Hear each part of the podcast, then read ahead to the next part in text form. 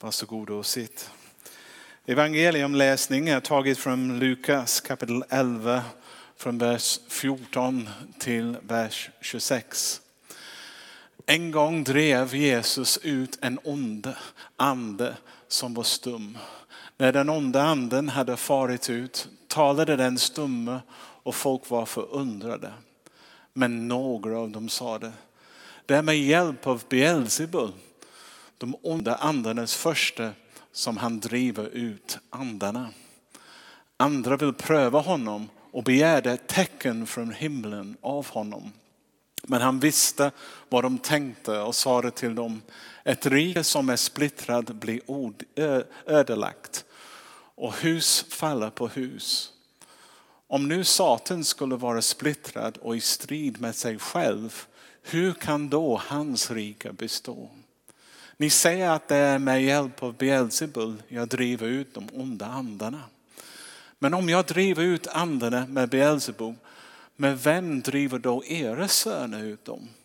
De blir alltså era domare.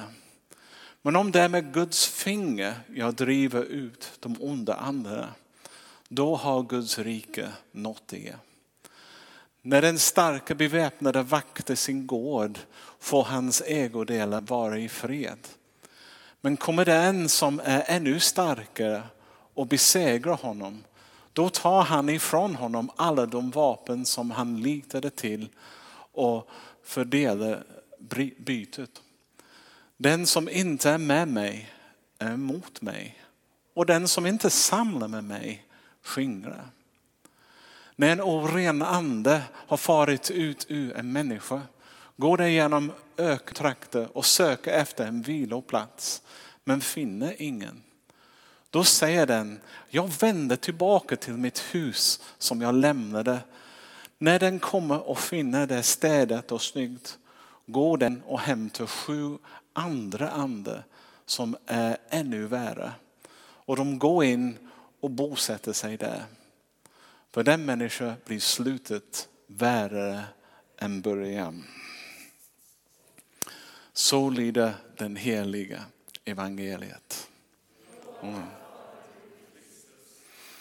Amen. Okej, okay, jag kanske skulle ge en liten förklaring i början varför vi läser nästa veckans texter.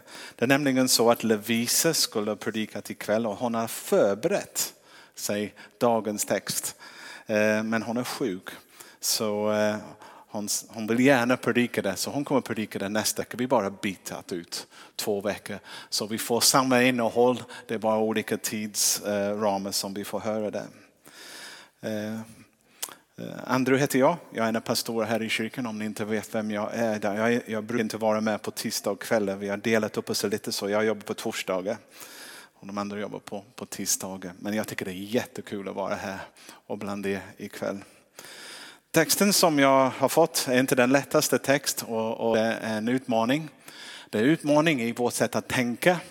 Vi är inte vana i vår tid och i vår kultur att betrakta att det faktiskt finns en, en ondska. Att det finns en onde. Men eh, den finns verkligen. Jag, jag satt bara för några dagar sedan och satt med någon och sa jag kan inte tro på en personlig ondskan. Och jag sa, men då har du en enormt svårighet att förklara allt det som är inte så bra som du ser runt omkring dig. Om du inte kan förklara det på det sättet. För det finns tillräckligt mycket. Vi behöver bara titta på våra nyheterna. Ondskan kan vara en Goliat som vi har läst. Någon motståndare som vill sätta stopp. Och om vi läser Bibeln, ja, alla Guds män och kvinnor som har försökt att kämpa eller försökt att göra någonting för Gud möter på något sätt ett motstånd som försöker sätta stopp för dem. Eh, och motståndet kan vara i form av någon annan, en annan armé, men det kan också vara en eh, förrådare, någon som låtsas sig vara din vän och, och visar sig vara någonting annat. Eller ännu värre, den, den motståndet kan komma inifrån när vi ser att vår egen fallen tillstånd bidrar till att vi gör dumma saker eller faller för saker som är mer destruktiv och mer fördärvande än vad vi skulle gärna befinna oss i. Men Bibeln är väldigt tydligt eh, för oss att, det, att vi befinner oss faktiskt mitt uppe i en krig med en osynlig fiende som vill ingenting mindre än mänsklighetens total destruktion och förnedring. Och om jag skulle citera eh, apostel Paulus i Efesierbrevet 6, vers 12. Han sa, vi kämpar inte emot kött och blod utan mot försterna, mot makterna, mot världshärskarna här i mörkret och mot ondskans andemakter i himlarymden. En skrämmande verklighet som vi inte har råd att underskatta eller tvivla om de finns. Ehm, man brukar säga att tills man blir kristen, de flesta människor är omedvetna att det finns en personlig ondskan. Men så fort man tar emot Jesus som din Herre och frälsare, plötsligt då befinner du dig i en tillstånd som eh, kan betraktas av honom som ett hot. Och han kommer att göra allt han kan för att ta det livet som du har tagit emot och tystna det. Eller få, det att, få dig att lämna det bakom dig och återvända till din gamla tillstånd. Fienden är glad om vi tror inte att han finns. Eh, om inte onda andarna finns. Han är väldigt glad för då kan han röra sig fritt utan att behöva oroas över att han ska avslöjas. Om han på något sätt avslöjas då vill han göra stor, stor väsen av sig att rädsla skulle förlama oss och vi skulle inte våga tackla honom eller hantera honom. Och de är två diken egentligen som man kan hamna i. Verkligen man tror inte att han finns eller man har en övertro på hans förmåga att kunna skada eller fördärva eller förstöra det som Gud vill. Och eh, tanken är att vi ska undvika dem. Eh, aposteln Apostel Johannes skriver så här. Men Guds son har uppenbarats för att göra slut på djävulens gärningar. Det är första Johannes 3 och 8. Och det märker vi varje gång när vi läser evangeliet. Att Jesus har en mission. Hans mission är att förgöra fienden och att rädda oss eh, eh, synderna och ge oss ett nytt liv och ge oss en ny start i livet. Och det märks att eh, han hade den agenda för det spelar ingen roll vad Jesus gjorde, var han befann sig. Så fort han öppnade munnen och skulle predika någonting gott. Eller så fort han skulle befria någon som är bunden av en oren ande. Eller i denna text som vi har läst idag, en, en ande som gjorde denna person stum så de inte kunde tala. Så fort han gör det, motfall kommer. Hugget, hugget efter hugget. Och var än Jesus befann sig, det fanns andra människor på något sätt som vill döda honom, hålla honom borta eller på något sätt förstöra hans rykte. Han befann sig mitt i den andliga kampen. Och eh, var han, han väckte till och med de ondande. Det finns en som är en besatt man som när han kommer bort och landar där plötsligt denna mannen kommer ner till honom och börjar säga lämna oss, vi vet vem du är. Han hade inte sagt något än. Fienden kände sig otroligt hotad, som han alltid gör när Jesus är i närhet. Eller när någon tar också till dig Jesus. Han är i en värre läge och han vet det. Men eh, om man kan säga den goda nyheten som Jesus har med att upprätta människor, gör dem, räddar dem ur en svår situation eller att leka en brusten relation eh, eller något. Allt detta är gott. Om man tänker fienden är motsats. Han har ingen lust, vi människor har det bra. Och den sjuka med frestelse är alltid det att vi, vi luras in att tro att om vi bara gör en viss sak, han bara går, mm, mm, mm, nu har jag fått dem. Han är inte glad när vi lyckas. Han är bara glad när vi misslyckas. När vår relation faller sönder. Han, han är så avundsjuk på det som vi har. Så han vill bara förstöra det. Men varje helande är ett slag i djävulens ansikte. Varje upprättad relation, varje förvandlat hjärta är ett slag i ansiktet på honom. Varje försoning mellan två människor eller olika grupper är ett slag i ansiktet på honom. Och när Guds rike möter världens rike som Bibeln skriver, det är alltid en smäll. Det smäller till. Det finns en kamp. Och den goda nyheten i evangeliet är att Gud är starkast. Och han har kommit för att förstöra denna fienden som vill bara förstöra allt eh, som Gud har gett oss människor förvalta. Kampen är inte jämn. Eh, många gånger när jag är ute och undervisar folk pratar om att det finns djävulen på den sidan och det finns Gud på den sidan och det onde och den gode och kampen är så här. Och jag brukar säga att de har inte förstått kampen överhuvudtaget. Om vi läser vår bibel vi upptäcker att djävulen är i verkligheten en fallen ängel. Eh, en arkängel. Och det finns tre arkänglar i bibeln. En av dem heter Mikael, den andra Gabriel och den tredje heter Lucifer. Så även om man säger att det finns Gud, Fader, Son och den helige Ande. Om vi ska tänka hierarkiskt, jag vet inte om vi ska göra det. Ännu längre ner kommer änglarna.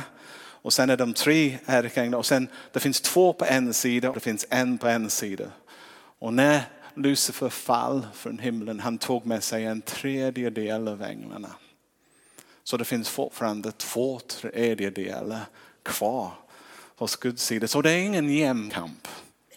Och det är inte en kamp mellan Gud och djävulen, det är en kamp mellan några änglar. Det är en, det är en andlig krig som utförs i, i rymden som påverkar oss här nere på jorden.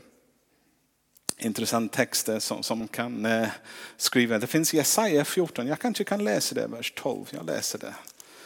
Så ni ser var jag får det ifrån. Jesaja kapitel 14 och det, det handlar om Lucifer här. Hur har du inte fallit från himlen du strålande stjärna? Du grinningens son. Hur har du inte blivit fälld till jorden? Du som slog ner folken till marken. Du sa det i ditt hjärta, jag ska stiga upp till himlen, jag ska resa min tron ovanför Guds stjärnor. Jag ska sätta mig på mötesberget längst upp i norr. Jag ska stiga upp över molnens höjder. Jag ska bli som de högsta. Men ner till dödsriket stöttades du. Längst ner i graven. De som ser det större på dig. De granskar dig och säger, är detta den man som fick jorden att darra och riken att skaka och som gjorde jorden till en öken och förstörde dess städer och som aldrig släppte hem sin fånge. Starka ord. Eh, Bibeln säger inte så mycket om fienden egentligen och det är en bra, det är en bra eh, mönster för oss. Vi ska inte studera fienden, vi ska studera Gud.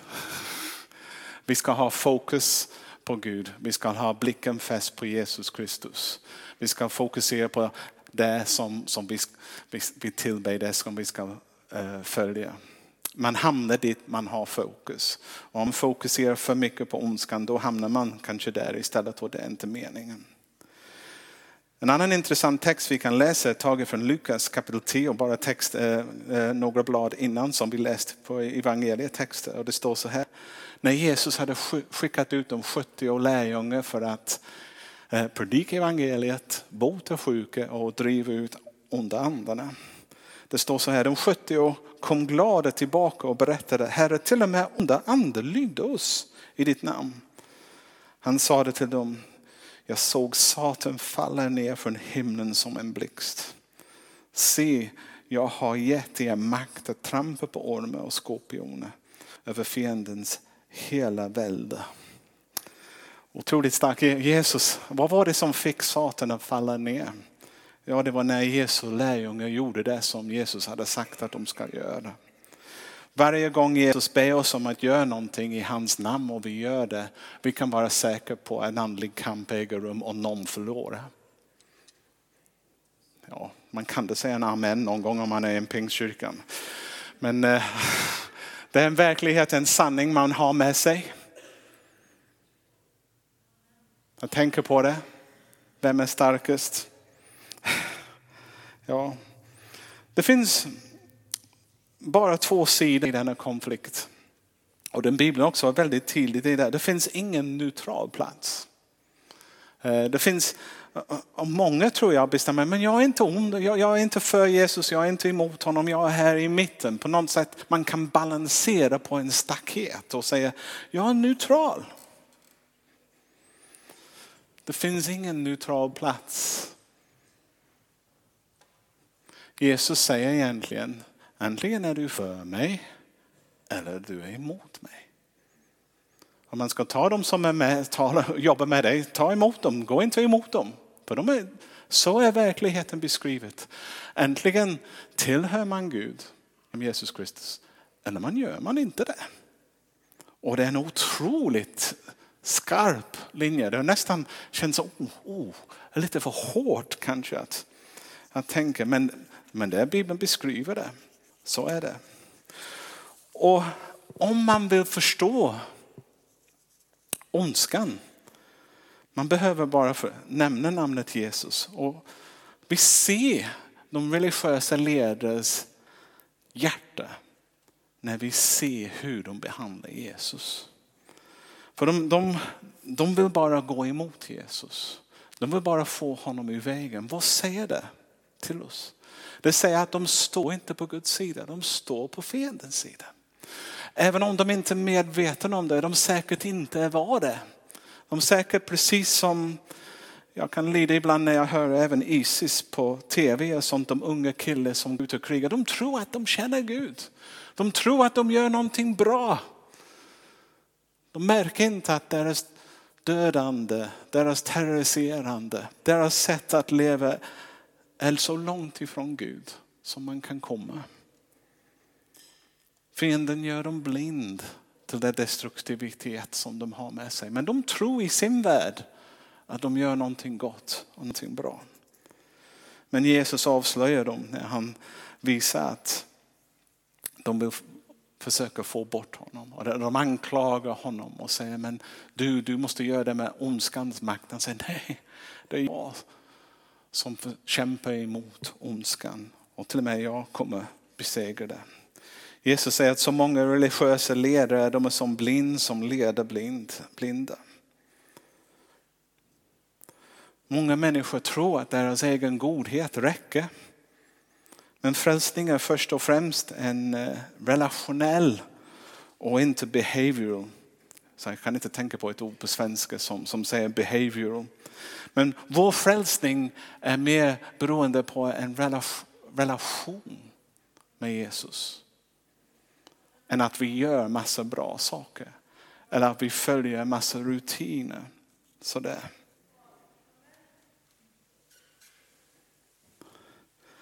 Vänner, det var endast Jesus som dog på ett kors för oss.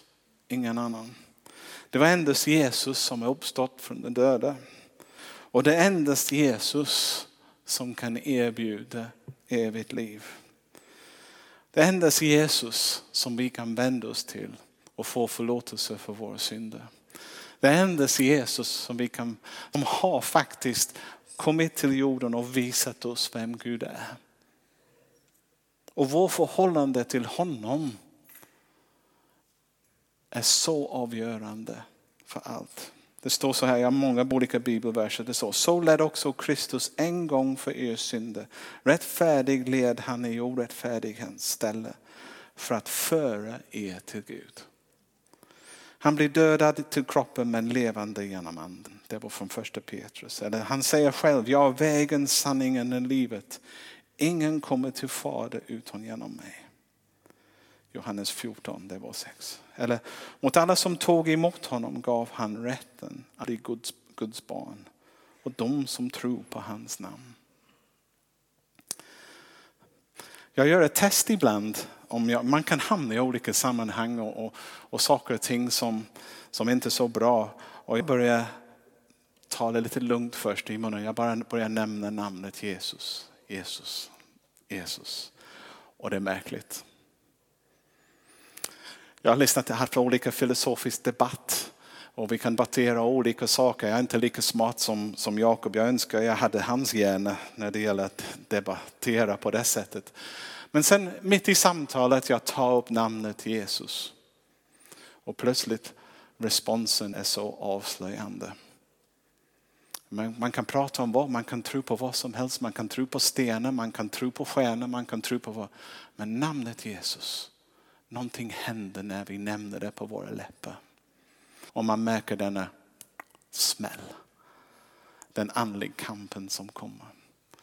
Den viktigaste är att vi inte söker kamp, men, men det viktigaste är att vi vet vem det är som har vunnit den kampen. Inte låt oss skrämmas av andra argument, inte låt oss även till och med falla på olika lögner och sånt, utan vet att vi står fast på klippan Jesus som kan bära. Han har besegrat fienden. Han har all makt i himlen och på jorden. Hans förmåga att beskydda oss är starkare än fiendens förmåga att anfalla oss. Hans förmåga att leda oss rätt är starkare än fiendens förmåga att förleda oss fel. Men Jesus, det finns en gammal sång som barnen sjöng i eh, söndagsskolan med Jesus i båten, man kan le åt stormen.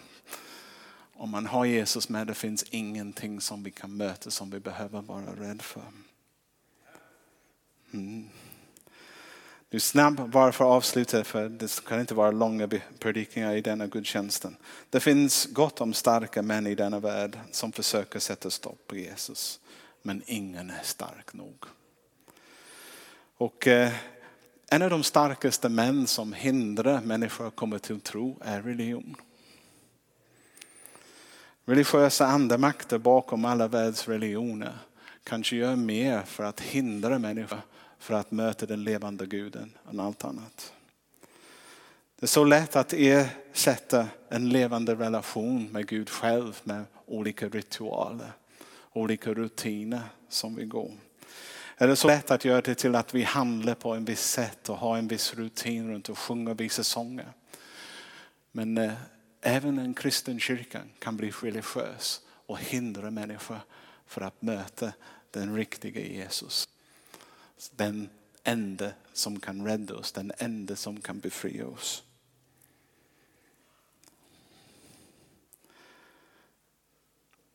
Jesus samverkar inte med ondskan. Han gör det maktlös. Och en dag kommer han att döma det. Och vi är befriade av det totalt. Att vi firar nattvard, att Jesus vill att vi firar nattvard. Det är så att vi bland annat ska påminnas att hans död på korset räcker. Att hans seger på korset var tillräckligt mycket för att rädda oss ur fiendens hand. För att ge oss det livet som vi var skapade för. Ska vi be.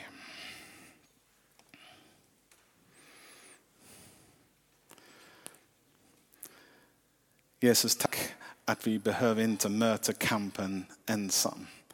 Utan att du har lovat att vara med oss alla dagar, även intill tidens slut. Tack att ditt namn är ett namn över alla andra namn. Och med ditt namn på våra läppar och mest av allt i våra hjärtan. Vi har det som behövs för att kunna stå emot all fiendens listiga anfall. Men jag ber öppna våra ögon till sanningen i dig och gör oss vis också hur vi lever vårt liv. Så vi inte faller för frestelse eller faller i lögn och missar det goda som du har för oss. Och jag ber när vi gör nu denna fyra nattvard om en stund. Du ska också låta det sjunka rakt in i våra hjärtan. Vikten av det som du gjorde för oss. I Jesu namn. Amen. Amen.